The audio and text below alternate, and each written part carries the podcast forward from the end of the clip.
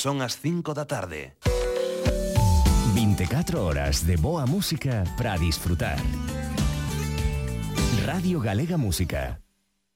Lume na Palleira, con Emilio Españadero.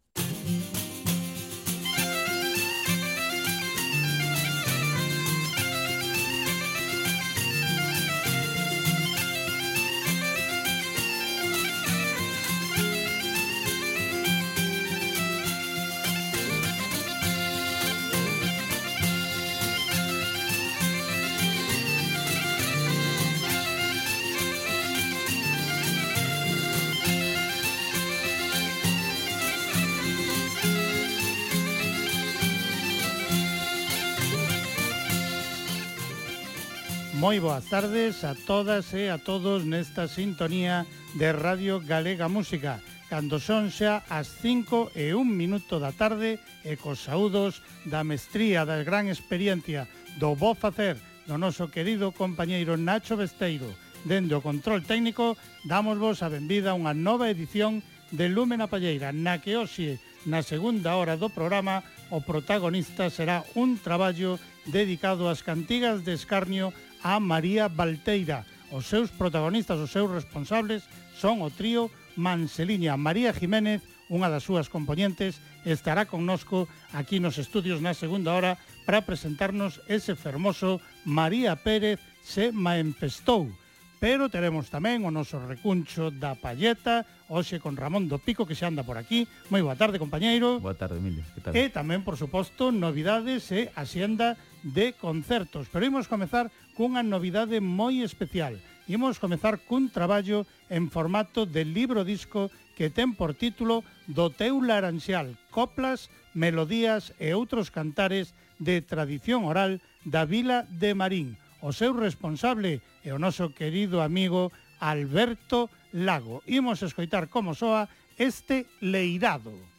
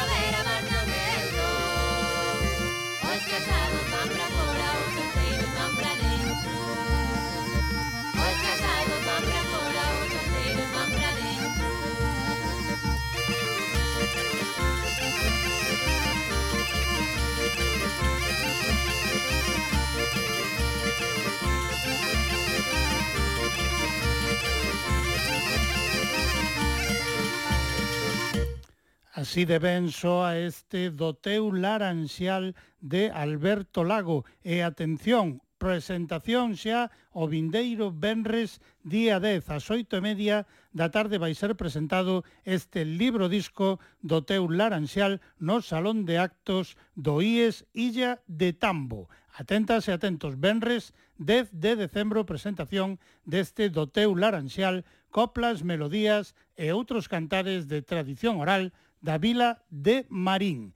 E agora de Marín da Costa imos ata a montaña, imos ata a Fonsagrada porque hoxe remata ali a sexta edición da súa foliada e como peche musical desta sexta edición da foliada da Fonsagrada ás oito da tarde concerto nada menos que de Franci, Davide e Cibrán.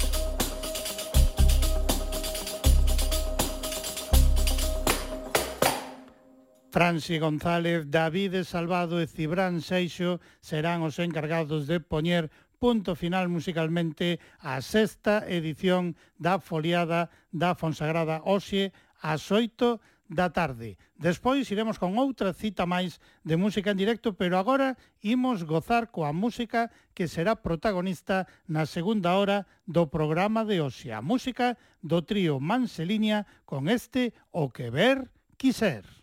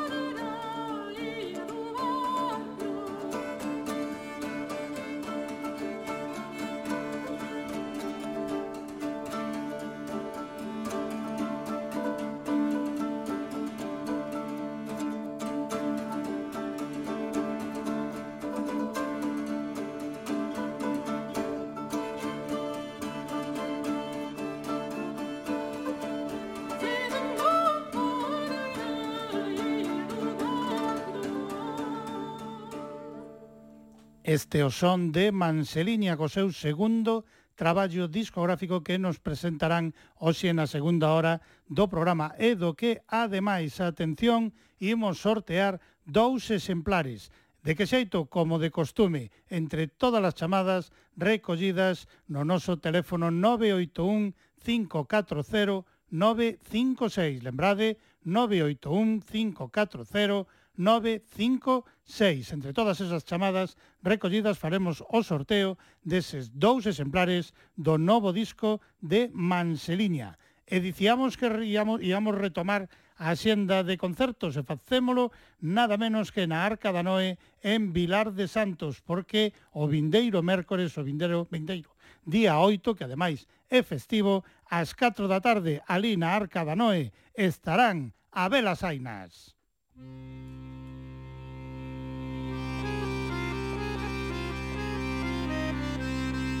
Contaronmo,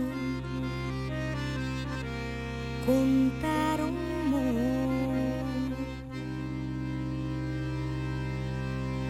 Vou vos contar unha historia das montañas de auga pura. Como a meniña Carmela foi o baile e veu a escuras.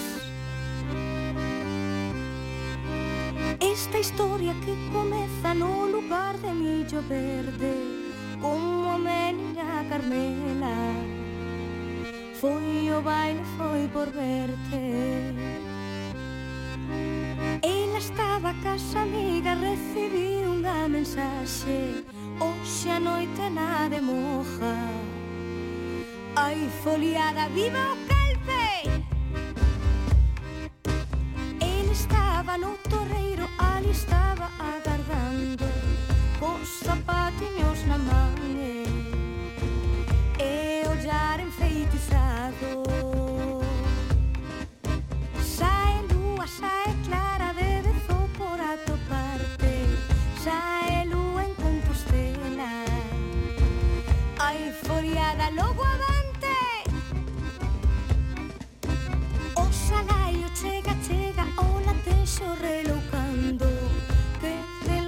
xa se escoitan As gaitiñas afinando. E a pandeireta no bolso tintinea cando ando. Ti agarras en Cervantes Queridinho vou chegando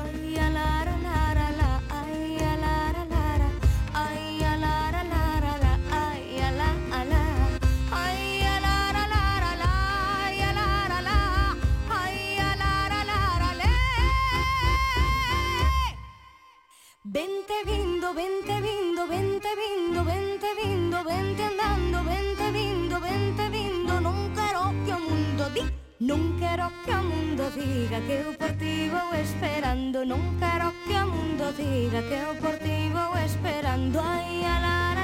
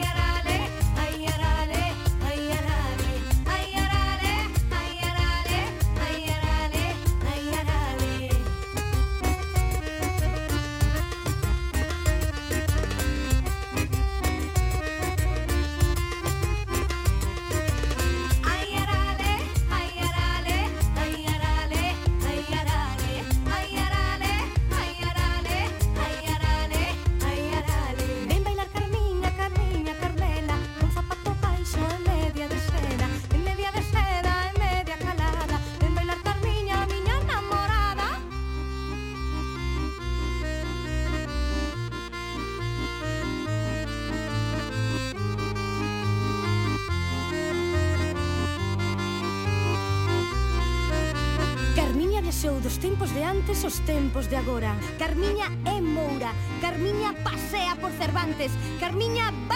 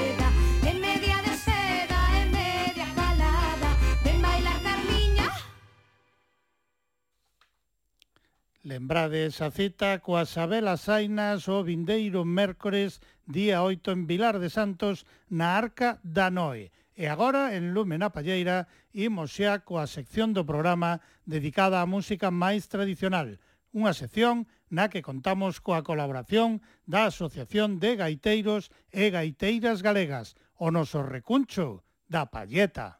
Música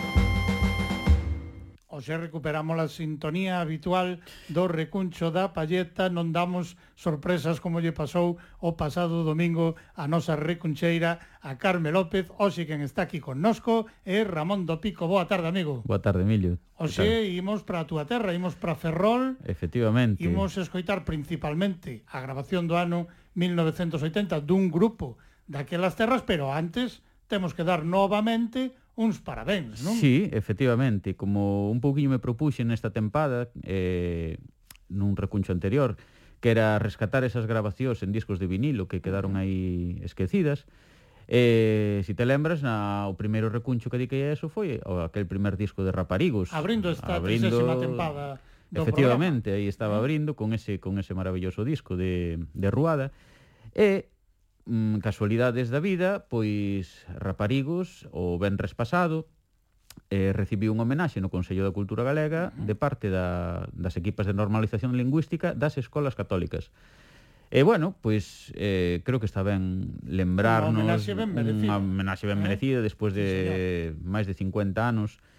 Pero, como sempre andas aí pinchando, non? Que cal é esa grabación, que tal, que tal. Bueno, pois eu os podo dicir que os cachei un pouco de, de ensaio e teño unha grabación dun ensaio que, bueno, así lle facemos o noso pequena homenaxe sí, señor. E, e, e escoitamos a raparigos actualmente uh -huh. que creo que, bueno, Cunha, non deixa unha grabación, atención, de ensaio. Unha grabación de ensaio, eh? quero decir, isto é non é unha o grabación. O Alborada de Ribadeo que é posible ou tal vez non que forme parte do novo disco que deben gravar mm. raparigos.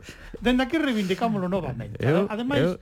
de darlles os parabéns por esa homenaxe ben merecida, nos seguimos reivindicando un novo disco neste século 21 de raparigos. Eu creo que, que o merecemos nós. Claro, creo que xa eles claro. merecen homenaxe de, despois de tanto tempo, pero, pero os demais merecemos un merecemos novo disco. Unha, un novo disco desta desta xente. Unha desas pezas pode ser esta alborada de Ribadeo. Aquí están, atención, en ensayo Raparigos.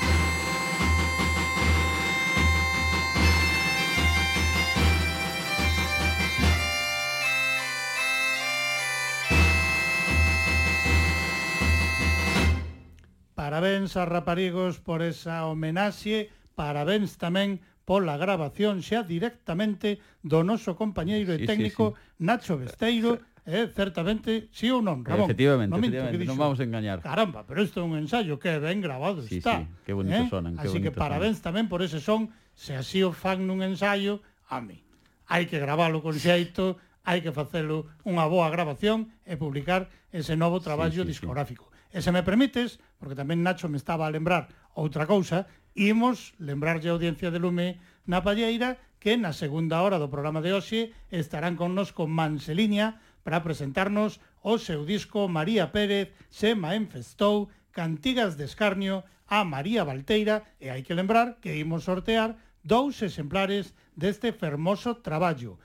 Lembro de novo o teléfono para que poidades participar no sorteo 981-540-956. Lembrade, 981-540-956. E agora sí, Ramón, cambiamos non de terras, cambiamos de grupo. Sí, efectivamente, eso, arrancábamos co Raparigos, E hoxe vamos falar doutro dos grupos míticos de Ferrolterra, como son os Estrobos. Sí, señor. Os Estrobos eh, foron, foron e son, realmente é un, é un grupo que, que siguen activo, Pero bueno, eh, un pouco hoxe vamos a centrarnos nesa formación ou nese grupo eh, en a súa grabación. Tiña unha grabación do ano 1980 que foi unha grabación que quedou aí casi por decir unha grabación moi familiar. Uh -huh. Non se distribuiu moito, non foi da Casa Belter, pero bueno, quedou así un pouco no no reduto familiar, por decirlo unha forma. Eh, os Estrobos son un grupo que nace no, no ano 1976, están de aniversario agora, falaremos despois deso.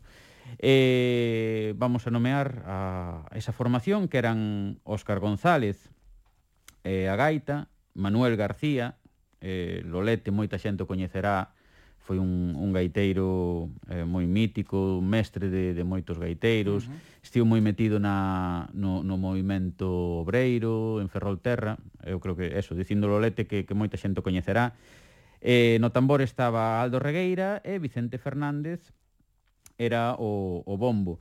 Eh, nesa época, si cos estrobos, mm, bueno, tiveron un certo éxito, vamos decir, non? Tiveron un terceiro premio en Pontareas no 81, Dime que tamén un segundo en Porto Marín no mesmo ano, etc. É dicir, mm, foi un grupo que, bueno, funcionou uh -huh. bastante non? Nesa, nesa época, pero mm, o bonito para min deste grupo é que, vamos a decirlo, foi un grupo de batalla. Foi é un grupo de batalla, era un grupo de, de romerías, de festas. Eh, eles nacen eh, como músicos da, da agrupación folclórica Terrameiga. Eso, como decía antes, no, no ano 1976. Eh, eu creo que mm, podíamos escoitar un pouquiño pois deles sí, para, para ver de primeiras así como como sonaban, porque xa te digo, eh, foi unha grabación eh, me, me decían eles, moi rápida. Foi, si, non, non estivo, non, non foi unha cousa moi meditada nin tal, que, que logo vos irei contando. Pero eu creo que podemos escoitar este este paso doble de Montecoruto, que escollín, bueno, este este tema e porque sobre todo os aficionados non a, a música fole tradicional poden recoñecer unha melodía que para outro grupo ferrolán deu bastante xogo, que hasta lle deu título aquel famoso Circo Montecoruto. Sí, señor. Eh, bueno, podíamos escoitar este, este paso doble para ver como son este disco. Pois veña, primeira mostra dese traballo Lembrade, ano 1980, un título de disco que era Gaitas, Tamboril e Bombo, Os Estrobos.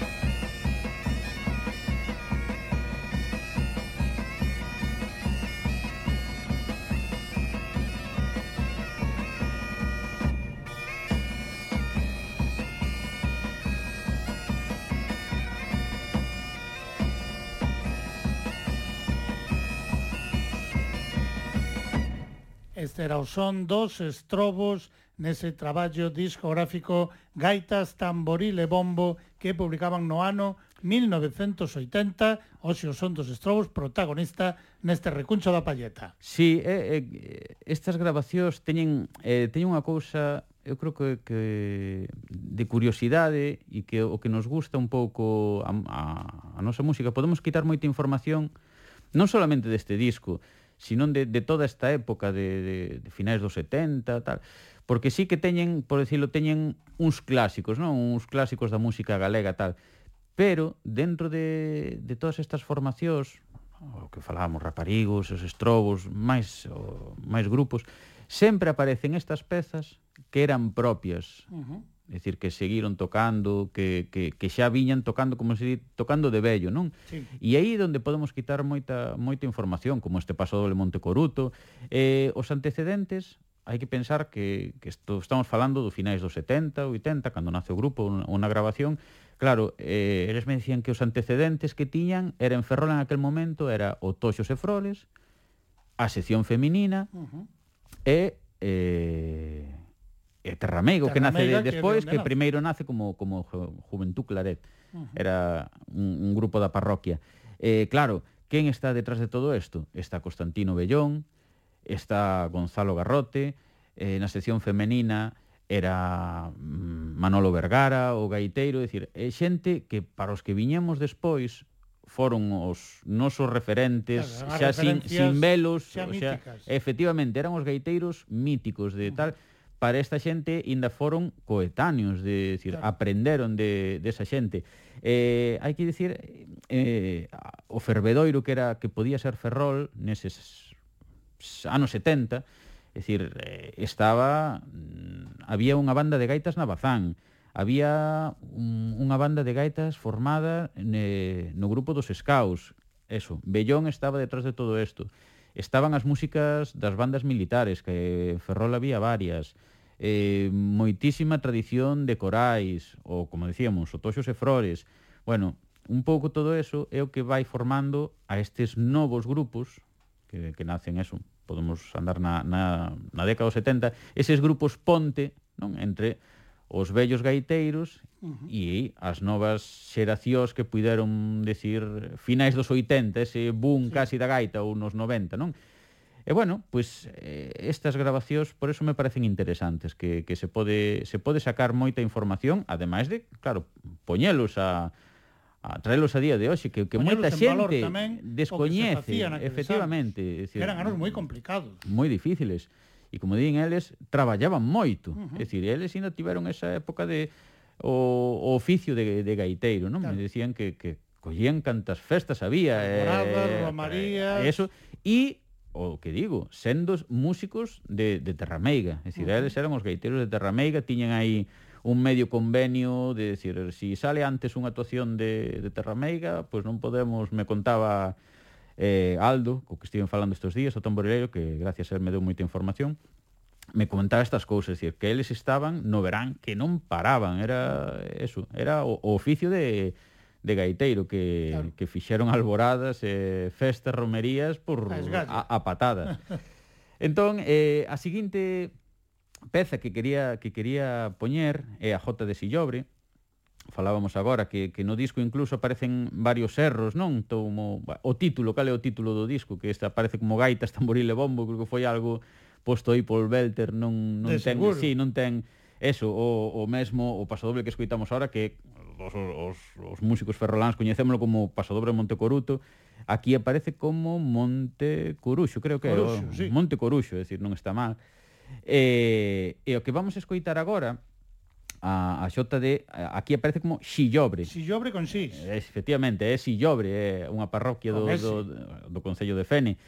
Eh, esta peza é unha peza que, que o mismo que moitos dos, dos gaiteiros de, da, casi me atrevería a decir de día de hoxe de Ferrolterra, a tocamos pois grupos de baile. Era, era unha peza que, que se tocaba en, en Terrameiga e a raíz deso, ou, bueno, non sei, non quero meter a pata que era de Terrameiga ou de, eso, Toxos e Frores, sí, o que sí. sea, pero bueno, o que sei que sí que era era unha coreografía de Gonzalo Garrote, é dicir, él estaba orgulloso, sempre, a mesmo decía sempre, a Jote, si yo miña, non podo dicir que a melodía sea del, non sei, aí non me atrevo a dicilo, porque realmente é unha melodía con, con, con moito sabor, pero sí que, que é unha peza que ahora quen, quen escoite, que enseña da, da zona de Ferrolterra, músicos e músicas, eh, a recoñecerán perfectamente e seguro que máis de, de unha vez a, a tocaron. Eu, de feito, este tipo de grabacións que moitas veces quedan esquecidas, non? Aí na, na estantería, ahora cando cando retomei me, me puxo a escutar e dixo, ostri, mira onde estaba esta, esta melodía. Por eso dicía antes, que a veces, bueno, en cousas que parece que non teñen importancia ou que quedaron aí e tal, podemos quitar informacións moi, eh, importantes. moi, moi importantes ou interesantes, non? Que, que pas novas xeracións que quedaron aí que non van a saber ou que, que, que nunca tiveron que tocar por un grupo de baile ou, claro. ou derivados, pero bueno, como digo, eu creo que en todos estes discos, en todos estes discos de vinilo, que se pode quitar moitísima moita moita información e moitas melodías que posiblemente señan desconocidas para, para as novas xeracións. Ti ao final colliches un vicio co vinilo. Moito, moito, ben sabes que desde eh? fai... Mira, vou contar unha curiosidade. Eu este disco merquei nunha tenda de segunda man en Barcelona. Amigo. Atopei en Barcelona, mm, non vou dicir o precio porque foi un pouco irrisorio, pero atopei no en, en claro. Barcelona, pero sí que teño teño un vicio co, co dos vinilos de, mm. de calquera tipo de música, pero recoñezo que na música de gaita que hai cousas moi interesantes e moi descoñecidas. Sí, señor entonces pois pero bueno. Veña, imos escoitar esa xota eh, lembrando pois eses erros digamos tipográficos, tipográficos ou de, de imprenta, se pode Eu creo que isto, claro, isto gravouse en Madrid. Eh, me supoño. No, no, no, no, non, isto está grabado, en, ahora ahora contaremos da grabación, pero sí, está feito pola casa Belter, por eso digo, claro, posiblemente digo, a, a... a cuestión editouse en Madrid. Sí, sí, a edición, entón, edición todos de aquí. estes traballos naqueles anos efectivamente un feixe de erros sí, sí. porque, claro, chegaba ya unha persoa que non era galego falante. Efectivamente. E ás veces pasaba cada cousa. Un día podemos facer incluso un especial, un monográfico sobre erros enormes eh, en traballos que se sí, foron sí, sí, sí. para Madrid para a súa publicación e como chegaron sí, a vela. porque me supoño que non habería probas de imprenta nin derivados en aquela claro, época daquela facelo... non, daquela non chegaba te un chegaría exemplar de comproba non, non te chegaría a caixa con todo e, e como viña e comías o que tiñas eh? pois veña, imos entón con esa xota de sillobre aquí están novamente os estrobos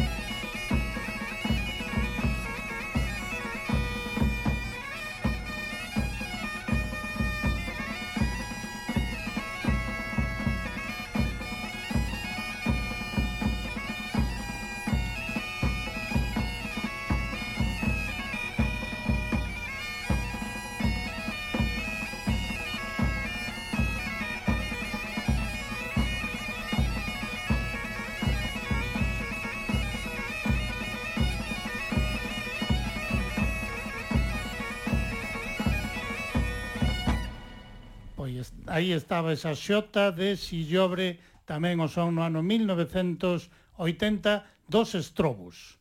Efectivamente. Eh, como decíamos, eh, esta grabación está feita en Ferrol, non é? Ferrol. Non, sí, sí. Eh, a historia deste disco é, é moi curioso, porque Belter estaba grabando a, a Toxos e Frores. Uh -huh. É dicir, estaba facendo unha, unha grabación de Toxos e Frores.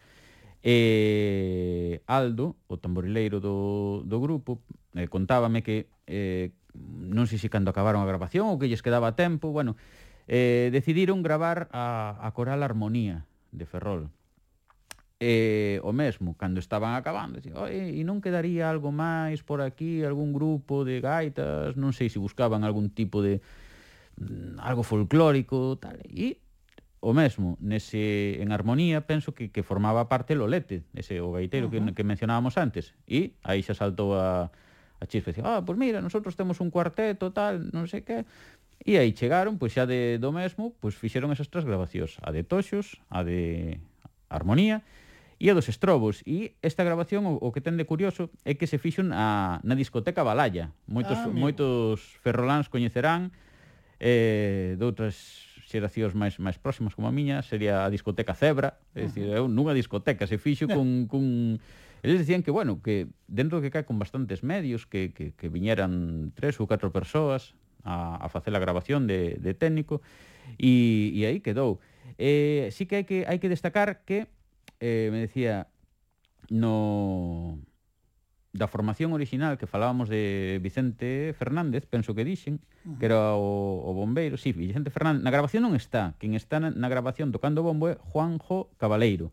Vale, eso porque eh, el, estaba en sí, eh, estaba lembrando, decía, no, no, penso que no, porque claro, realmente eh, estes discos non teñen ninguna non teñen información ninguna, así aparecen as pezas, eh, unha portada que salen eles, unha foto de a cousa de, de, de Malde, eh, nada máis, é dicir, vamos sacando a información así a contagotas. Entonces, o, o bombeiro parece ser que, que desta grabación era Juanjo Cabaleiro, e como decía antes, aquí teñen eh, o repertorio, vamos a decir, casi estándar de, do que podía ser na, naquela época, é dicir, Manoliño, eh, a volta da festa dos gaiteiros de Soutelo, pasacorredoiras da Arnoia, Foliada de Monforte, eh, pezas de autor tamén, como aparece o pico de, de Benxamín Fernández Pazos, pero é iso, é o que me decían, é dicir, isto era o noso repertorio, Si non claro. hai non, nin, nin máis nin menos, aquí non había trampa nin cartón, nin, nin eles tampouco tiveron moito tempo a preparala, é dicir, este o son de claro, como se si isto... pudera ser unha, unha grabación de campo, unha recollida. Se isto se armou dese xeito, sí, claro, non foi... era unha cuestión premeditada. Efectivamente, non, non, foi así, home, supoño que terían varias tomas claro. en, en, naquelas épocas como, como se pudera facer, pero bueno, que foi así unha cousa que, que creo que tamén que o interesante desta, desta grabación é o bonito, que sí que recolle a, o, o son que tiña que tiña o grupo en aquel momento, é dicir, uh -huh. non a veces non queremos montar ou cosas ou nos montamos ou historias ou ideas pero estas grabacións, como pode dicir, nos poñen os pés na terra, é dicir, como claro. sonaban os grupos en aquel momento, mellor ou peor, pero bueno, sí. eh, que estética tiñan, que forma tiñan, eso que temos moitas veces falado, non? Que, que se perdeu ese de que un grupo de, do norte sonaba distinto do sur, que os gaiteiros uh -huh. de Vigo sonaban distintos os da Coruña. Claro. Bueno, pois pues con estas con estas grabacións se pode Recuperar. ben que mal, pois pues, podemos un pouco recuperala e penso que, que as novas xeracións son cousas a ter moi en conta Están aí, é unha información que temos e, e, e polo menos traelas a día de hoxe que non estén aí esquecidas nunha estantería ou sí, que señor. se coñeza, porque tristemente como repito, repetía ou dicía co disco de Raparigos, moita xente descoñece destas grabacións, é dicir, non son as míticas, non? Que decías dos gaiteros de Soutelo, esas grabacións que está claro que temos que ter como grabacións de cabecera, pero moitos grupos, moitos grupos que incluso descoñeceremos, non? Que, que, uh -huh. que poda haber algunha grabación deles e doutros que intentaremos ir, ir traendo, pero que, que, queden, que non queden aí nunha estantería como, bueno, un recordo de, de familia ou de, de alguén que, bueno, sí, isto me sona de que estivo alguén no grupo, que, que tal, pero bueno, xa te digo, eu falando así con, con xente que cada día de hoxe se adica, incluso que dá clases, Mm, me recoñecían que non que, que non sabían de, de cos estrobos tiñan uh -huh. tiñan un disco. Un disco publicado. pois disco. Pues aquí está, aquí están os estrobos. aquí está e o seu protagonista. Efectivamente, pois pues eu creo que podíamos escoitar a, agora unha muiñeira, a ver uh -huh. como como sonaban, e eh, eso, outra das pezas eh, aquí aparece como populares, sí, son son muiñeiras me atrevería a decir típicas, non? Que, sí. que, que poderían estar en calquera... De repertorio básico. De repertorio básico de, de, de calquera grupo de, de gaitas. Entón, eh, eu escollín esta muñera de Carballo, porque eh, coñecendo un pouco o grupo, eh, non sei, me recordou a, a ese son que teño eu na, na memoria de, de, de cando mm. era pequeno escoitaba, e que escoitaba claro. os estrobos con Lolete e compañía. Sí, señor. Pois veña, imos entón coa muñeira de Carballo.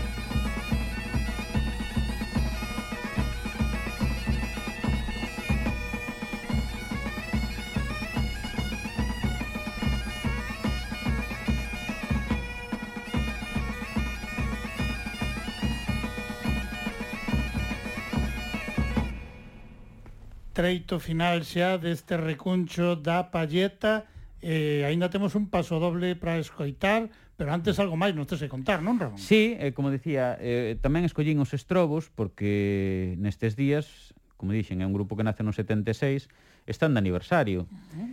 eh, e o Ateneo Ferrolán na, nas súas xornadas da gaita que fan este eh, este venres, sí, este venres non me quero trabucar, a sete media, ali no, no local do, do Ateneo, en pleno barrio da Madalena, en Ferrol, pois van dedicar esas xornadas a, aos ben. estrobos, ali estarán. Eh, tamén vamos a dicir que eh, presenta Suso Ascariz, o seu libro que xa estivo por aquí, co, Gaita, a Gaita na Terra Melide, e eso, ali estarán os, os estrobos, como digo, é un grupo que hasta a actualidade ainda sigue funcionando, entonces eh, polo que me comentaban que van, a, van a estar tocando pois, as distintas xeracións de, de componentes que pasaron uh -huh. por ali, bueno, farán un, un pequeno percorrido do, pola historia e polas imaxes que do, do grupo, e, e pouco máis, é dicir, aquí así sonaba, como dixen antes, quero agradecer a, a Aldo Regueira toda a información, toda a tamén información. a A outro gaiteiro que, que non está na grabación, pero que foi que foi tamén eh, membro dos Estrobos na, nesas primeiras etapas, como foi Joaquín Balsalobre, que no seu momento tamén eh, deume moitas imaxes e moitas moita información sobre o grupo. E un pouco ali estará moitísima xente que, que pasou, porque xa digo, eh, é un grupo que, que hasta a actualidade sigue, sigue en funcionamento e foi un grupo de batalla, basicamente. Uh -huh. Si un, como decía, tiveron premios a comezo nos anos 80, tiveron eh, nos 90, no aquel concurso de Cerdido, bueno, eh, no Manuel Teixo, etc. Tiveron unha longa trayectoria. Non me quixen meter tanto aí, eh, sino centrarme máis nesta, nesta época do, de principios dos 80, nesta grabación. Sí E, e pouco máis, e deixei aquí po final este, este paso doble ben bonito, polo menos parece a min, de Castrelos a San Pedro, que eu coñecía este paso doble como eh, un paso doble do repertorio dos, dos airiños do Parque de Castrelos. Uh -huh. A verdade é que non sei se, se unha peza tradicional da zona de Vigo, tal, tampouco sabían como chegou o repertorio dos estrobos, esas cousas maravillosas, non? Da, da música tradicional claro. que de repente aparece na tal, pero sempre foi un, unha peza que, que a min prestoume moito. Son esas eh, pezas que de repente aparecen no repertorio dun sí, grupo, pero sí. que despois de pasados moitos anos preguntas Pero vos como tocaba sí, sí, E isto, onde saliu? De... Sí, é un pouco como, como, bueno, hai como decíamos exacto. antes, o, o pasodoble eh, a Montecoruto, é, eh? é unha peza de que, eso, o, a, das que coñeces do ABC, non? De, uh -huh. tal. E sempre preguntas, mira, e, e pasodoble a Montecoruto, Hai xente que di que de Constantino Bellón, outros sí, realmente na, nas pezas que lles escribiu os seus alumnos aparece esa como das primeiras pezas que lles aprendía, pero non nadie pode asegurar Nada, que era pode asegurar, que, poñer a man no lume que era, unha, era dele. eu polo menos non o podo dicir claro. e, e como isto pasou mesmo sei que é unha peza que estaba no, no repertorio Seriños do, do Parque de Castrelos e, e que lle teño escoitado tamén de, de, desas esas pezas que che quedan na cabeza que de neno da os estrobos e aquí aparece no disco, a verdade que a mí é un paso doble que, que préstame moito e que e quería rematar con, con el. Pois moi ben, pois moitísimas grazas, compañeiro, Nada, por este grande recuncho. Grazas a ti. Parabéns polo aniversario, aos estrobos, parabéns pola homenaxe tamén que lles van facer e pola homenaxe que lle fixeron aos raparigos. Os sea, gaiteiros de Ferrolterra, eh, protagonistas absolutos no recuncho da palleta. Ben merecides estas homenaxes, creo que deberíamos de facer moitas máis claro a, sí. a moita xente que está aí un pouco esquecida, non? Uh -huh. De decir, moita que xente temos que, que efectivamente que, que están aí que aínda teñen moito que dicir. Uh -huh. Pois veña, entón pechamos Ocio Recuncho con ese paso doble de Castrelos a San Pedro.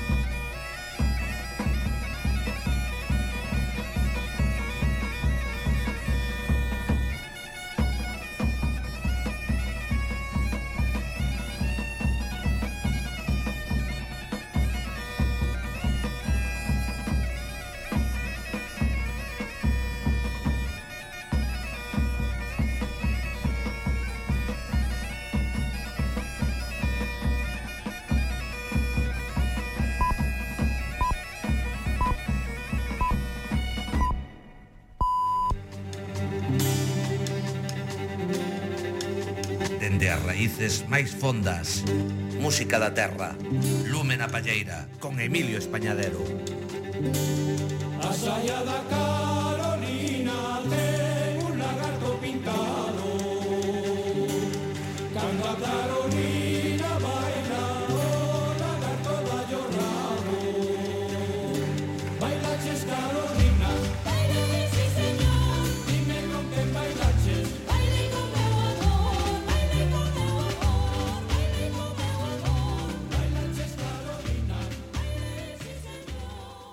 Seis da tarde, nesta sintonía de Radio Galega Música en Lúmena Palleira, chega o momento, tal como tiñamos anunciado, de que vos presentemos este fermoso traballo titulado María Valteira se manifestou, cantigas de escarnio a María Valteira.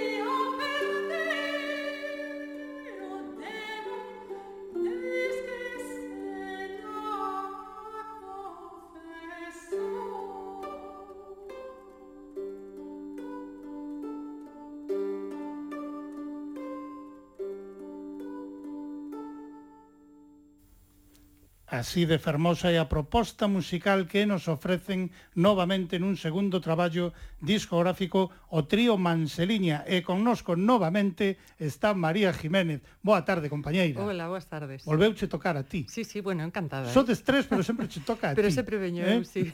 Encantadísima de vir, ademais. Pois a ver, lembranos quen sodes os componentes de Manseliña e os instrumentos que achegades respectivamente a esta proposta musical. Pois somos Pablo Carpintero, que tiene aquellos ellos nomear, pero xa poño de non, Quimeiro. Sí, sí, non, non. Eu dixen en plan, en plan así un pouco de broma, de home, sí. un que foi do equipo original do recuncho da palleta e non hai xeito de que veña a presentar os discos de Manseliña, porque xa na vez anterior tampouco, tampouco estivo. Entón dicía eu, así en plan un pouco de coña contigo, dicía, case vamos presentar aos dous que non son Pablo Carpintero e a él, vamos de chamar o innomeable, pero non, que todo o noso cariño tamén e os parabéns aos tres a él tamén por este grande traballo. Así que veña, falamos de todos. Veña, pois falamos tamén de Pablo. Veña. Pois, pois Pablo eh, neste disco tamén canta, pero uh -huh. aparte, bueno, pois toca todo tipo de, de instrumentos de, de evento e, e de percusión. Eh, logo Tin Novio toca un laude de reconstrucción do Pórtico da Gloria e eu toco a fídula do pórtico, pandereta, castañolas e, e tamén canto. E tamén canta, seres a voz principal, Son digamos. Así, sí, sí, sí. Eh? Pois, en maio de 2019 foi cando xa estivo connosco Manseliña para presentarnos aquel que era o seu primeiro traballo discográfico. E lembro que remarquei o de primeiro porque contaba con que esta aventura chegase a ofrecernos máis fermosos froitos. Como de feito, así é en 2021. Eu supoño que os resultados con aquela primeira experiencia deberon ser satisfactorios, non? Bueno, pasámoslo moi ben facendo disco. Uh -huh. E, bueno, pois, eh, sí, eh, é unha música bueno, un resultado así mm, particular, non? Unha visión particular de, da música antiga, porque eh, está así como un pouco de moda interpretar este tipo de música pois, con instrumentos ou con eh, ori orientado como un pouco, ou moi presente, mellor dito, o sí. mundo andalusí. Uh -huh pero bueno, pues a non nos apetecía facer unha cousa así máis unha entre comillas, distinta. sí, unha cousa distinta máis do norte, ¿no? O que sería a época península ibérica, pues máis cristiana. Isto digo por suposto entre comillas, ¿no? Claro. E entonces pues a nosa fonte de inspiración é a música tradicional do noroeste pen peninsular. Pois falábamos 2019, primeiro traballo discográfico, 2021 xa a publicación deste segundo, pero polo medio moito cambiaron as vidas de todas e todos entre ese primeiro e este segundo disco, non? Sí, sí, moito nos cambiou o conto. Sí, moito cambiou a vida. E, e no vosso caso, esa situación tan excepcional axudou a preparar este traballo ou non, porque hai moita xente que lle axudou. Sí, sí, claro que, que sí. De todo o malo, sempre hai que sacar algo bo. Sí, sí, sí, sí. En moitas músicas e moitos músicos, teño no comentado aquí en Lomena Pallera, decir, mira, eu o mellor se non tivera pasado esa época, non daría feito este traballo mellor persoal, eh, xente que traballa en grupo, pero que de repente tivo tempo pois, para facer un traballo propio. A vos, como canto vos puido axudar ese pois... período tan complicado?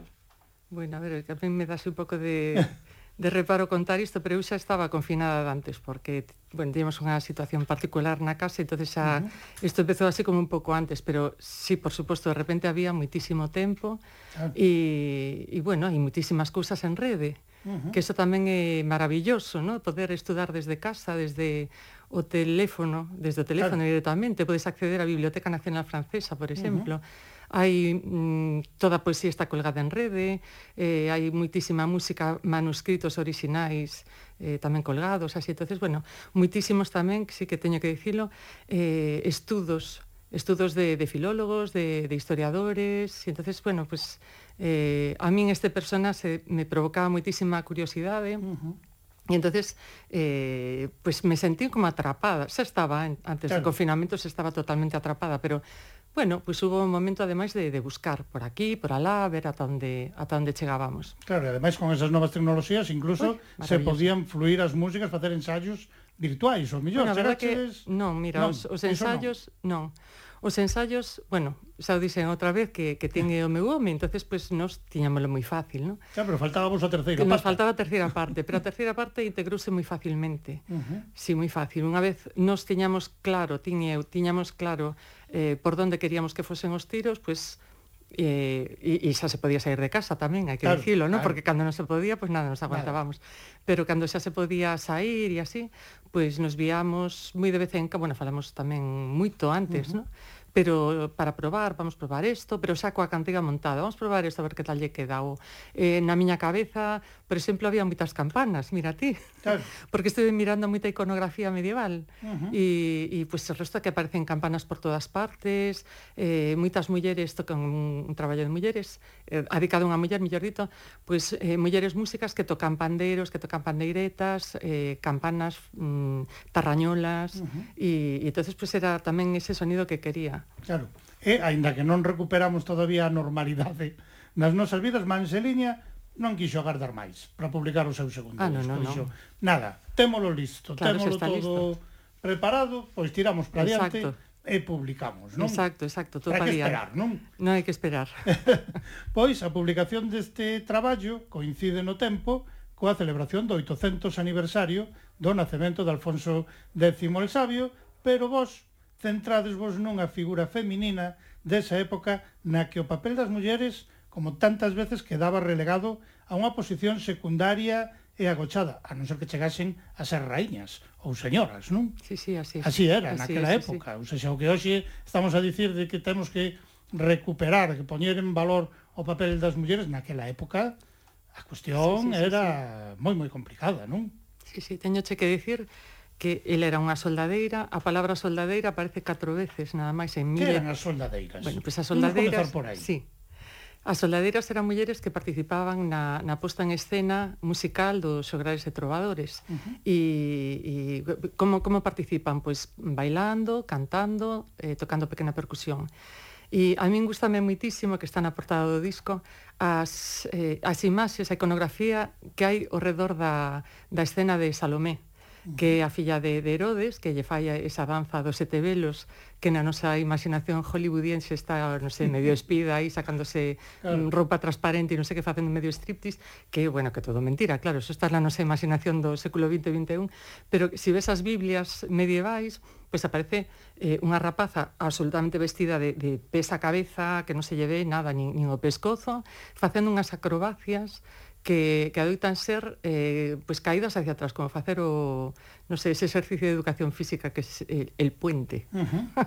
sí. Deitándose aí, quebrando así como pola cintura hacia atrás. Uh -huh. E entonces ese o baile ese é un, baile, unha especie... Esa, esa sí. era a función, digamos, social sí, sí. das soldadeiras, pero que moitas veces eran as propias mulleres dos xoglares, dos trabadores ou familiares, non? Así é, así é, podían ser filla, irmá, si, sí, si sí, eran alguén moi cercano ao xograr, sí. Pero as cantigas, xa ben chamadas de escarnio ofrecen das soldadeiras unha visión máis escura, non? Sí, sí, sí, máis escura, sí, sí, fala delas, bueno, pois pues, moi, ponas podre, así en, claro. en resumo.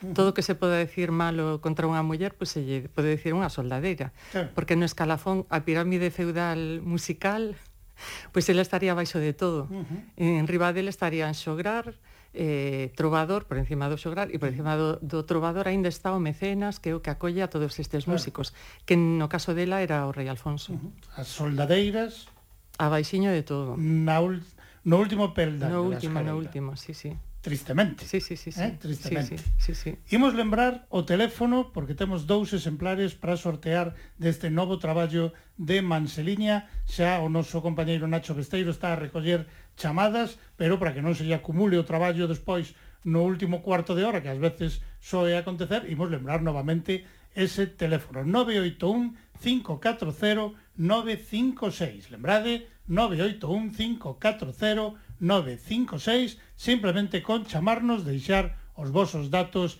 ao noso compañeiro Nacho, e xa así dese xeito participaredes directamente no sorteo deses dous exemplares deste novo disco de Manseliña. E agora, unha vez que aclaramos o que eran as soldadeiras, cal era o seu papel, cal era a visión que tiña a sociedade en moitos aspectos delas, agora hai que saber que nos contes quen foi María Pérez Valteira, falanos da súa historia que comeza probablemente por Betanzos, non?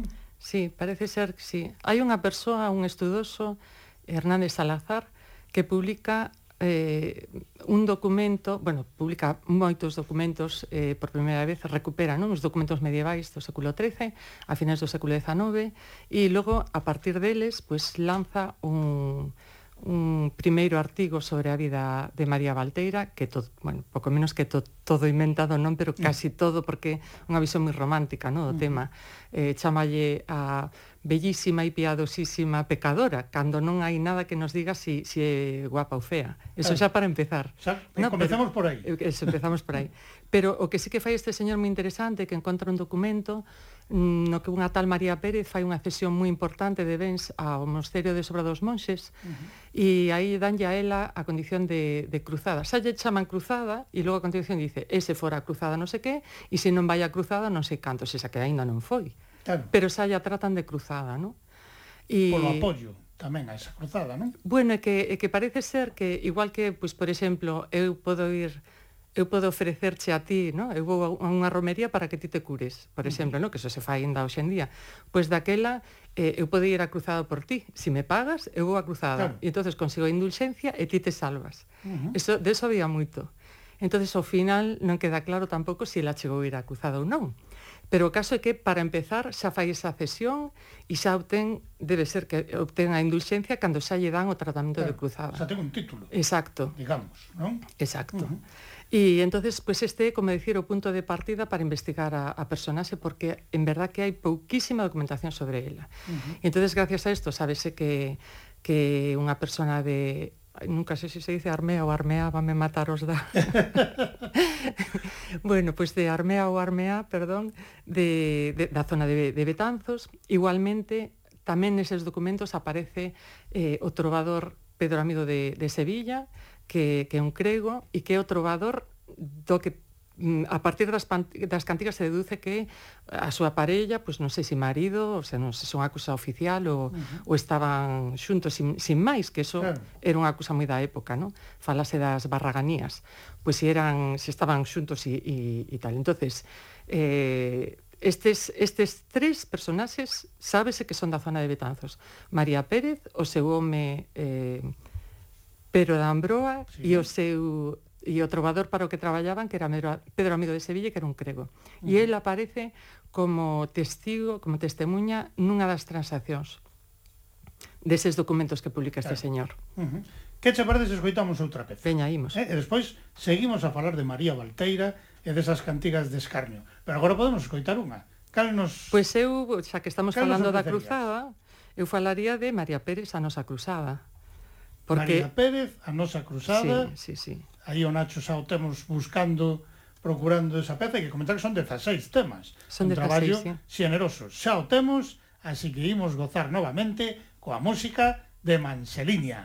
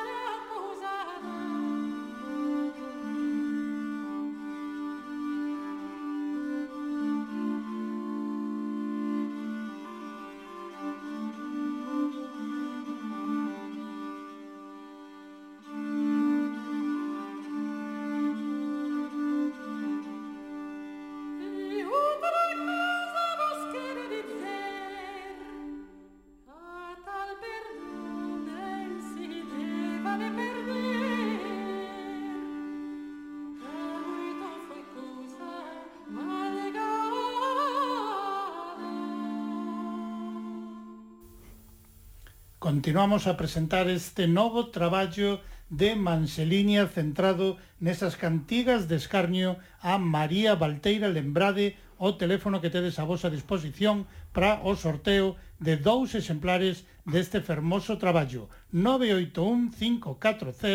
981-540-956 repito 981-540-956 e continuamos a falar con María Jiménez do trío Manseliña E agora gustaríame comentar contigo, María, que moitas das cantigas de Escarnio falan efectivamente das soldadeiras, pero de ningunha tanto como de María Valteira.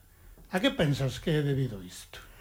Bueno, Esa pues... fama que colleu dentro das cantigas de Escarnio, non? Porque o seu nome aparece moitas veces e non aparecen outros nomes tan repetidos, non? Bueno, eu non botei contas, pero penso que desde logo de mulleres non hai outra que apareza tanto, pero penso que tampouco hai tantos homes mm. repetidos. Claro. Pero María Pérez está en, en as súas dúas, eh, o sea, co Alcume Valteira e sin el María Pérez e María Valteira. Ten en total 14 poemas que sale o nome e logo ainda hai algúns outros que bueno, se pensa, ¿no? Está así eh, os estudosos um, pensan por outras eh, mm, bueno, pues outras características da, da poesía que son adicados a ela. Uh -huh. E bueno, pues a miña hipótese é que é unha persona moi omnipresente na, na corte e que incluso tiña certo poder eu penso que de tipo político, mira o que che digo, o sea, estando aí tan abaixo, no? Claro. E, e sendo tan, non sei, a veces os escarnios que lle fan, depende das poesías, hai algunhas que son máis elegantes, pero outros son moi soeces. Sí, pero máis e... ou menos se encamiña a historia que a súa importancia persoal debeu ser moi relevante en moitos aspectos, non? Sí, sí, Dentro sí, da sí. corte. Sí, sí, sí, sí, sí, sí. Sí, eh, por exemplo, hai algunhas cantigas que falan dos catro reinos, -huh. eh, León, Castela, Aragón e fala tamén dos mouros. Eh, hai Bueno, hai outra cantiga que xa poñeremos máis adiante porque esta é moi particular, esta teño que explicala así con calma, porque aparecen moitas, moitas personaxes e son personaxes políticas e, bueno, que fai ela aí en medio de todos eles, non? Claro. É unha cousa curiosa sendo a muller da, da época tan insignificante e sendo a soldadeira pois tamén dentro do que a música pois tampouco ni pincha ni corta, está pouco menos que de, de aderezo, non? Uh -huh. Por algún sitio incluso se chega a ler, se podía chegar a ser espía. É que, que podía eh, ser sí. a Matajari da época. Sí, sí, que eu lin, no? eu lin iso, sí, sí, de, de bueno, de boca da pluma de, de Menéndez Vidal e, bueno, deu máis un pouco de, de risa, porque, claro, os, os, esta, esta xente así de, de finais do século XIX, principios do XX, tiña aínda esa mentalidade tan romántica, ¿no? Entonces, bueno, es un pouco eh, un pouco atrevido, ¿no? Decirlo, pero ao mesmo tempo este señor sempre tivo moita intuición. Entonces, é unha hipótese que non hai que descartar claro, tampouco, non hai que descartar, non? ¿no? O eh? conto é que non temos eh, suficiente información, claro. esa é a rabia, non? Había que facer, non sei, espiritismo, algo así, a e ver, que nos aparecese... Esa é a rabia ou esa, digamos, é a parte incluso máis fermosa. Bueno, tamén, porque claro. podemos darlle todo á imaginación. Claro e deixala voar, Exacto. de dicir, a ver, esta muller está claro que importancia tivo, porque senón non sería normal que tantas cantigas de escarnio levasen o seu nome por medio. Entón, a nosa, o noso masín pode voar, sí, sí, sí. dicir, quen quen foi realmente María Valteira. E unha das cousas que xa temos que comentar tamén é a etapa final da súa vida, porque me gustaría que nos contaras onde se pensa que a pasou, porque tamén é curioso, non? Pois como ela fixera estas doacións a, ao mosteiro de, de, so, de Sobrado, pois parece que acabou pois tranquilamente, confortablemente, pois vivindo a, ao Aveiro, a Cubillada, non? Nese, nese mosteiro que parece ser tamén que era unha cousa relativamente eh, frecuente. Normal, non? Sí, Na época. Sí, sí, sí. Si mm. tiñas, si, si eras pudiente, claro. pues, pues acabar ben, eso, que alguén te coidase, vaya. Uh -huh. Neste caso, nun mosteiro. Neste caso, nun mosteiro, sí. ben coidadiña. Sí, sí, eh? sí. Pois, neste traballo, eh, a lírica galego-portuguesa, no anterior, mesturábase xa con eses sons da música tradicional, nesta ocasión, aparece unha peza originaria de Tras os Montes en Portugal, a costura iriña, non? A costura iriña, Mesturada sí. cunha cantiga. Sí, sí. Que nos fala, que nos fala tamén de María Valteira. Sí, teño que dicir aquí unha cousa que os poemas estes poemas de escarnio, desgraciadamente non se, non se conserva a música. Claro. E entonces pues, hubo que, pues, non sei, pedir préstamos, que se facía tamén muitísimo na Idade Media, préstamos melódicos de outras tradicións que había no momento, sobre uh -huh. todo neste disco que hai, esta é a excepción de, de feito. Uh -huh. eh, é música occitana ou, ou francesa do, dos troveros do norte. Uh -huh que eran melodías que circulaban eh, por toda claro. Europa. E er, é, é moi fácil, de feito, es, eh, están recollidas en diferentes manuscritos, sinal de que circularon moitísimo, e, bueno, pues, hipotéticamente tamén puideron servir como apoio destas, destas cantigas. Pero esta, este poema en concreto mm. era autosilábico, e entonces, pues, prestábase a, a pues, unha melodía tradicional das nosas octosilábicas, neste caso do norte de Portugal. Pois imos entón con esa peza de cual engano prendemos eh, como, como dicíamos, a música é tradicional originaria de Tras os Montes en Portugal, o título original desa melodía sería A Costura Iriña, aquí aparece recollida neste novo disco de Manseliña con ese título de Cual engano prendemos, que espero que apareza. Aquí está, Manseliña.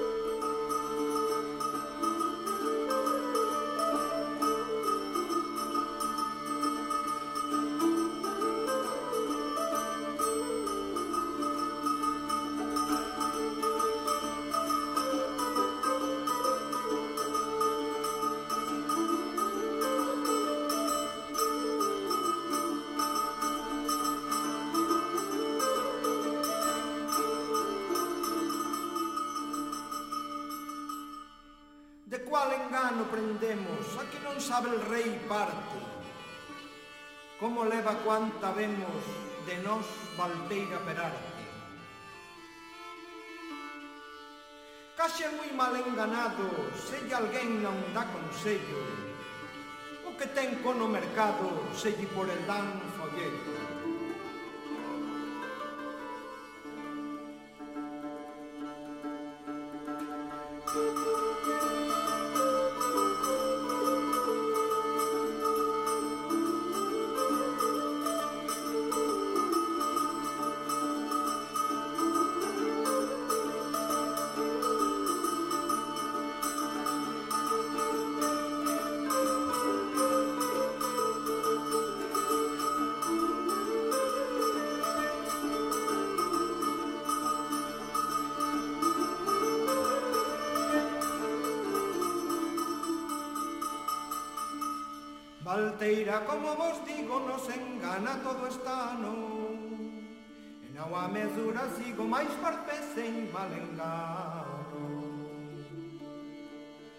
canteria perguisada cousa se el rei quisese.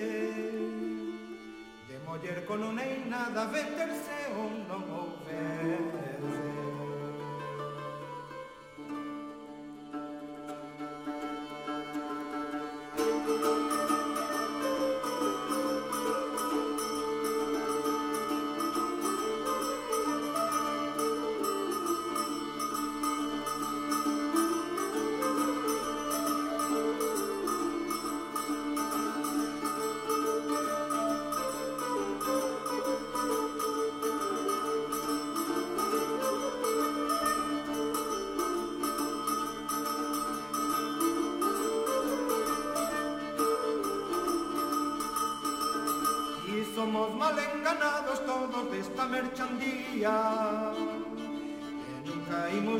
pecados máis mande Santa María Que prenda aí mal xoguete o dambroa que a fode E ela porque promete con o poilo dar non pode E ela porque promete con o poilo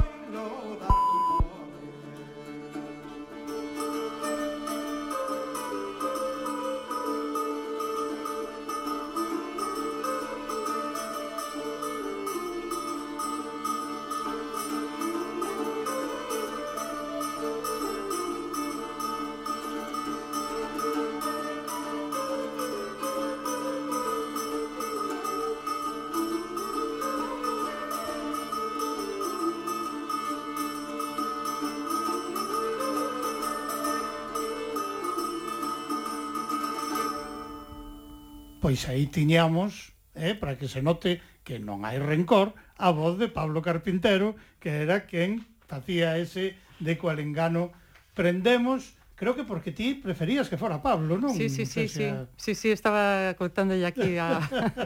sí, sí, que eu como estudei en Carmelitas que me daba corte cantar esta cantiga que era así moi moi brava, moi brava. Non? A ver, sí. Eh, entre todas as cantigas houbo algunha coa que tivesedes que pelexear especialmente?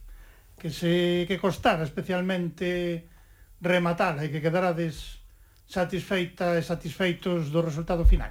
Ai, que preguntas máis difíciles me faz. Caramba. Sí, sí. Mira, houve varias que así como lle estaba poñendo a, a, a música, eh, me parecían melodías raras, porque as melodías francesas tense que dicir, claro, eu estaba acostumbrada a cantigas Santa María, que cantei moitas, e, e bueno, e outro testimonio que temos eh, son as cantigas de Martín Codas, que son moi sinxelas. Uh -huh pero o repertorio francés aí me resultaba rarísimo, porque moitas veces non acababan na non sei como chamalo para, para que nos entendan, na nota finalis. Vamos a imaginar que estamos cantando en, en no modo de re e entonces na miña lógica a última nota tiña que ser re. Claro. Pero algunhas veces acababa, bueno, non sei, en, en notas veciñas uh -huh. e, e me costou acostumbrarme a iso. E tamén me resultaba raro ás veces, eh, por exemplo, decía, veña, vamos probar con esta melodía. E logo a melodía era, pues, por exemplo, non sei, moi tráxica para un texto tan satírico ou moi misteriosa para un... Te... Sabes, Me costaba un pouco ese tema do, do carácter cando, bueno, non sei, igual non tiña que ser todo tan complicado. Uh -huh.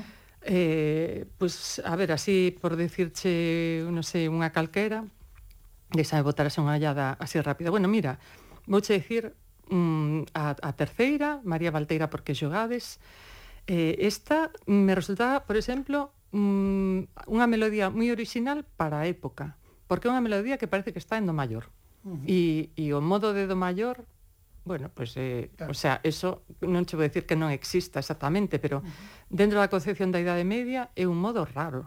Claro. Raro. Algún hai, pero pero raro, eh, de pero verdade. Non era nada habitual.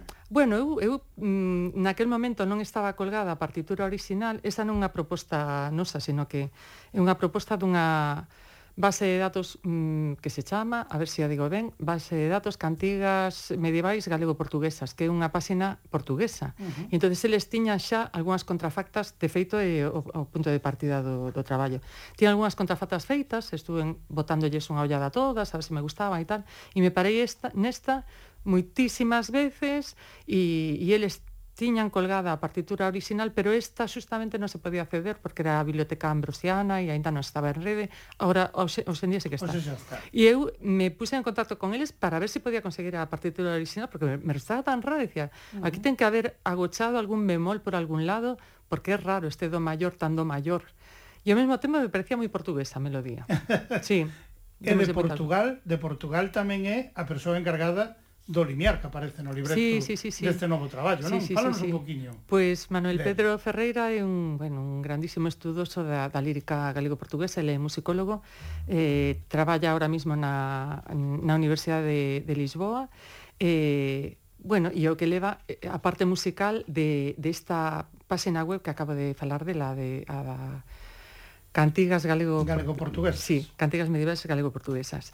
E, bueno, me puse en contacto con el varias veces por carta para facerlle preguntas, para comentarlle as miñas dúbidas, pois, pues, miñas e nosas, ¿no? Cousas uh -huh. tamén de pronunciación, preguntámoslle así.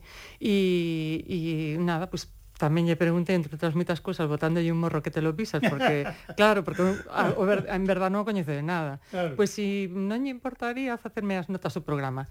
E, e, e nada, super riquiña me dixo que si sí, inmediatamente. Toda amabilidade. E si, si, si, si, ademais, pois pues nada, sin so, bueno, pediume a cambio que lle mandase uns discos, entonces nada, ben, me pareceu na, un bo trato. A ver, un trato, trato moi ventaxoso. O, o trato foi beneficioso sí, para sí. Manseliña, iso Sí, sí, seguro, sí, totalmente, eh? totalmente. Algo que de seguro se está a preguntar a audiencia de Lumen a Palleira, eu comentei son 16 pezas aquí, que aquí están recollidas, ademais das cantigas de escarnio que aparecen neste traballo, había moitas máis, dedicadas a María Valteira. Que eu saiba, non? Son as que se pero coñen, che... as que vos coñecedes. Claro, pero que che teña que dicir unha cousa, as cantigas de, de, de amor, que son dedicadas a unha dona, esa dona, o sea, xa é dentro do, do dos tópicos de, de ese tipo de, de, de poesía, xa a muller de por sí xa non debe aparecer o seu nome. Uh -huh. Ten que ser unha muller anónima, xa ten que quedar ese amor platónico en anonimato. É un home que lle está dedicando eh, un, un eloxo a unha muller que non se debe Pero saber... non debe desvelar. Non se debe o desvelar. O da súa namorada. De feito, hai unha, unha cantiga que está como disfrazada de cantiga de amor, pero a gracia que ten é que xa o primeiro que, que,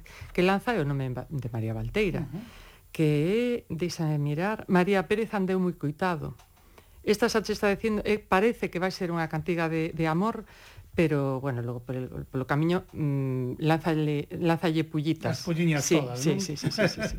a ver, e as grabacións das pezas que compoñen este segundo disco de Manseliña fixéronse nun lugar moi especial, non? Unha igrexa. Sí, sí, nunha igrexa, sí. Contanos, que igrexa é esa, que igrexa foi a escollida para gravar É a igrexa, a igrexa de, de San Cristóbal de, de Tapia. Uh -huh.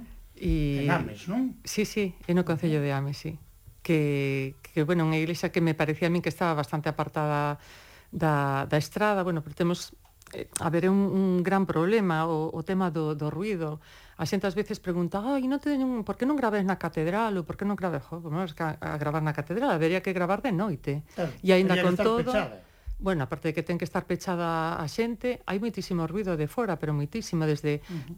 camións do lixo, e é a parte bella de, de Santiago que non ten tráfico e iso, pero hai moitísimo ruido. Hoxe en día hai moitísimo ruido en todas partes. Claro, o hai unha contaminación sonora tremenda, que había tremenda, aparecer tremenda. de seguro tremenda. nas pistas da grabación, non? Tremenda. Uh -huh. Bueno, incluso nesta, nesta iglesia tamén había pues tamén había ruido de tráfico, tamén había ruido de paxaros, de moscas, de, de, de treboada, de tal, pero bueno, eu eh, aproveito para agradecer a Archidiócese de de, de Santiago que, bueno, pues que nos apoyase, ¿no? A través de, do párroco Manuel Blanco, que, que nos dese, o sea, que apoyase a cultura, porque claro. en verdad que, mira, queras que no, é un é patrimonio, é, é un lugar cunha resonancia e cunha acústica maravillosa e, e que ademais non nos cobran, no? porque para mm. nós os músicos, o sea, indo por riba tens que buscar un local e, e te cobran, no? o sea, o que che faltaba, porque claro, aquí hai que pagar por claro. todo. Uh -huh. Fálanos un poquinho da persoa encargada do proceso das grabacións. De Camille. Claro. Camille é unha rapaza francesa, eh, coñecina a través de, de outro músico, de Manuel Vilas, porque fixe un traballo con ela, e, e entonces pois pues, xa no noso primeiro disco estaba, E, bueno, cando a coñecín e vin como era ela, que é unha persona super paciente, e, e vin o seu xeito de traballar e nos entendimos de maravilla, pois xa dixen para o segundo tamén. Creo uh -huh. que veña esta chica. e, e, bueno, teño que dicir unha acusa dela, que ela flipaba cos aturusos de, de Pablo. De Pablo, non? É que non podía entender que era eso que pasaba que lle, eh, sabes, todos os niveis todos vermellos, non, non entendía. Estoupaba sí, todo sí, para sí, arriba. sí, e, e inda que xa hai aturuxos no primeiro disco, neste segundo chegou un momento que nos preguntaba, pero pero isto que fai Pablo, que que que vai sendo? Eu non entendo que é isto. E entonces Pablo lle explicaba, nada, estánlle eh, está pues, como como animando, ¿no? A persoa que, que canta ou que baila, eh. Ela non entendía nada, non está totalmente, sí, totalmente. Como era esa cuestión. Exacto, sí, sí. Escoitamos outra peza? Uh -huh. eh? Pois a ver, imos escoller unha para que o noso Pois pues mira, vamos Nacho coller nos vamos... pode ofrecer outra mostra musical. A ver se pode dicir o número e todo. Mira, podíamos escoitar justamente esta que ten os aturuxos que, que é María Pérez vi moita sañada, número 12.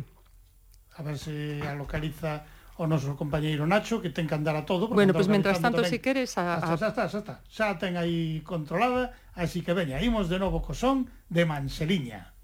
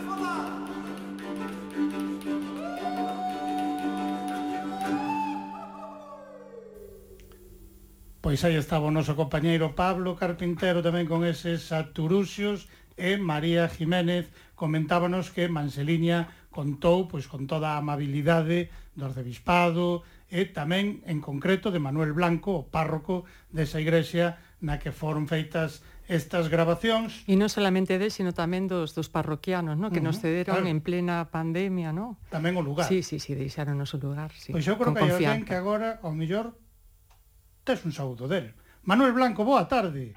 De moi boa tarde, querido Emilio. Moi boas, María. Hola, vamos de quedar descolocada, María. Este Con Emilio sempre nos prepara unha destas, eh? Ah, con isto sí que non contaba. Non contaba para nada, será posible. Pero como, en que momento fixeches isto? Se estás Ay, aquí amiga, diante miña. No, isto fixose antes. Isto xa se cociña a lume lento. Son os meigallos aí de Emilio, moi boas. Moitísimas grazas, Manuel, por prestarte a darlle esta sorpresiña aquí a María. Ela xa antes xa falou eh, do, do agradecemento que sí, sí, se sí, tiña personalmente por todas as facilidades para poder gravar nese lugar tan especial. Eu, ademais, teño que dar doblemente as grazas porque hai que dicir, estábamos agardando porque Manuel tiña o seu oficio religioso, a súa misa, a seis da tarde remataba, a seis e media tiñamos a cousa de decir sobre menos 20, máis ou menos, aquí está. Eh, Será Nacho posible? tivo que estar aí un chisquiño, pero aquí temos a Manuel Blanco, así que doblemente grazas, amigo, por estar hoxe connosco en Lúmena Palleira. E a miña primeira pregunta é moi clara, estes tres elementos Que tal se portaron?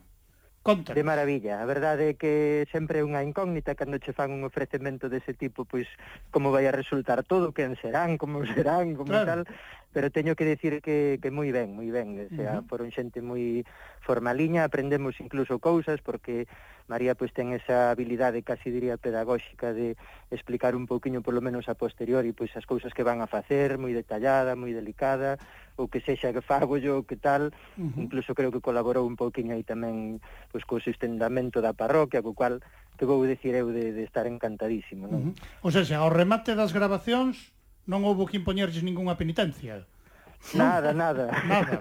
Foron boa había, xente, había non? Yo, había un pique aí, Emilio, porque claro, algunhas letras eran así un pouco que decías, tipo, pois isto claro. de iglesia nin de liturxia non é, non? Claro, claro, claro. Eu, eu eso era o seguinte, cando che comentaron o que pensabas facer, ti intentaches que non todas as cantigas fosen de escarnio, que polo menos incluísen tamén algunha de amigo, non dicir, home, todo, todo un traballo con cantigas de escarnio.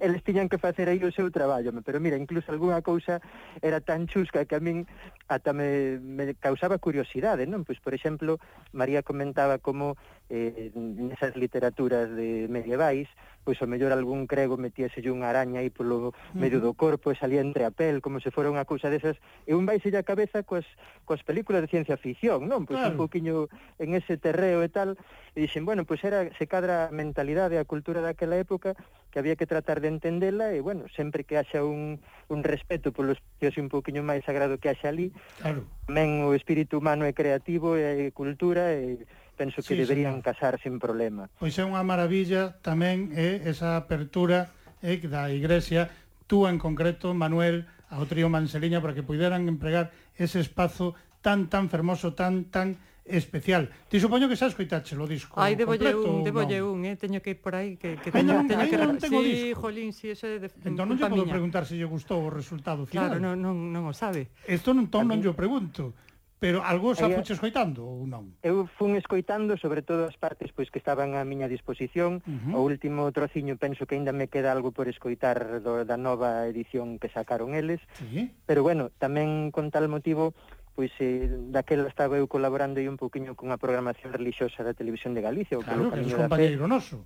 Exactamente. Entón, a rei deso, pois hasta fixemos tamén un programa que tocaba aí un pouquiño pois, o tema das cantigas, o tema da música medieval. Bueno, a min serviume para aprender, porque era un, un tema que sempre tive en curiosidade e me pareceu que era unha produción moi importante naquela época, con Afonso X e tal, e a raíz de aí, pois como era un tema moi tangencial co deles e que tiña moito que ver, pois sí que fun aprendendo, gustoume. Mm. Pois no seguinte disco de Manseliña, a ver se o fan no mesmo lugar e o que che toque tocar algo ti tamén. Eh? Quen me dera, Emilio. Eu a ver se te lían. aí un pouco, pero pouco máis.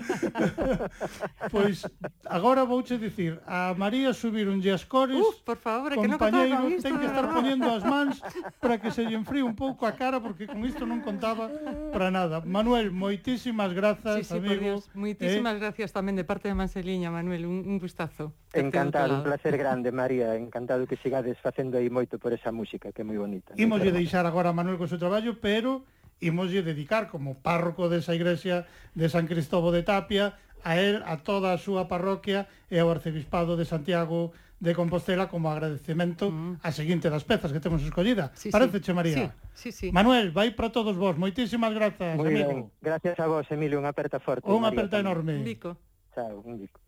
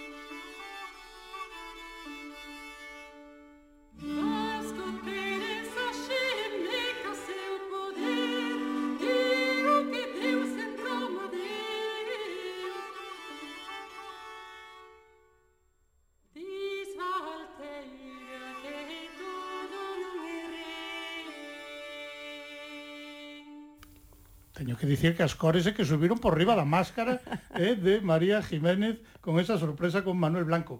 Querías comentarnos porque esta peza ten detalles moi especiais, Sí, non? sí, sí, nesta peza aparecen moitos personaxes, aparece Fernando III Santo, que é o pai de Alfonso X, aparece Alfonso X, aparece unha personaxe que é Escayola, que eh, e o, o fillo de Escayola e o patriarca que son os que gobernaban a taifa de Murcia, nada menos, uh -huh. e que hai un momento en que son candidatos a, a gobernar eh, a de Granada, o reino de Granada, entonces piden ya alianza militar a Alfonso X. Y, y entonces, pues hay, mmm, también aparece por otro lado a Meca, aparece Roma, eh, que máis aparece? Aparecen Xaén e Eixares, que Jerez de la Frontera, que son unhas plazas que sufriron moitas sublevacións, uh -huh. por unha, foron unha temporada foron musulmanas, outras cristianas, e non sei que, sufren asedios, moitas baixas militares e tal. Entón, estos son dous ograr, bueno, dous trovadores que están preguntándose un ao outro sí. que pinta María Valteira en medio de toda esta xente. E claro. a min está cotilleando sobre de, sobre ela, eh? E, e entonces, pues, aquí é eh, donde eu digo, esta muller algo de poder tiña que ter, porque senón que facía aquí en medio? E aí onde eu digo, podía ser a Mata Jari da época. Pode ser. Eh, tranquilamente. Pode ser. Temos xa que facer o sorteo. Hai dúas persoas que se van levar eses exemplares do disco de Manseliña, vas meter que dicir dous números do 1 ao 17. O 15. O 15. E o 15 correspondelle a Antón de Narón. E outro. Ben. Eh, sete e o 7, Conchita de Sigüeiro, gañadora e gañador destes exemplares deste segundo traballo discográfico fermosísimo de Manseliña, que para mercalo o mellor que sería poñerse en contacto con Bosco a través das redes, porque a distribución o mellor nos puntos de venda físico pode ser un pouco máis problemático. Sí, non? exacto. Sí, entón, sí. o mellor poñer Manseliña en calqueira dos buscadores, na páxina de Facebook, é doado e poñerse en contacto co trío Manseliña parabéns por outro fermoso traballo, imos polo terceiro, eh? Sí, sí, sí. E cando presentaxe o primeiro, dixen, isto é o primeiro porque vai haber un segundo. Non hai dous en tres. Bueno, pois pues non eh? hai dous en tres, aí te toma a palabra. Agardamos por el. E como peche, temos aquí unha peza, primeira composición de Pedro Amigo de Sevilla, esa cantiga, María Valteira, que se quería. Parece che ben que pechemos sí, con ela? Sí, ben. Pois aquí está o son de Manseliña, que hoxe foron protagonistas en Lúmena Palleira.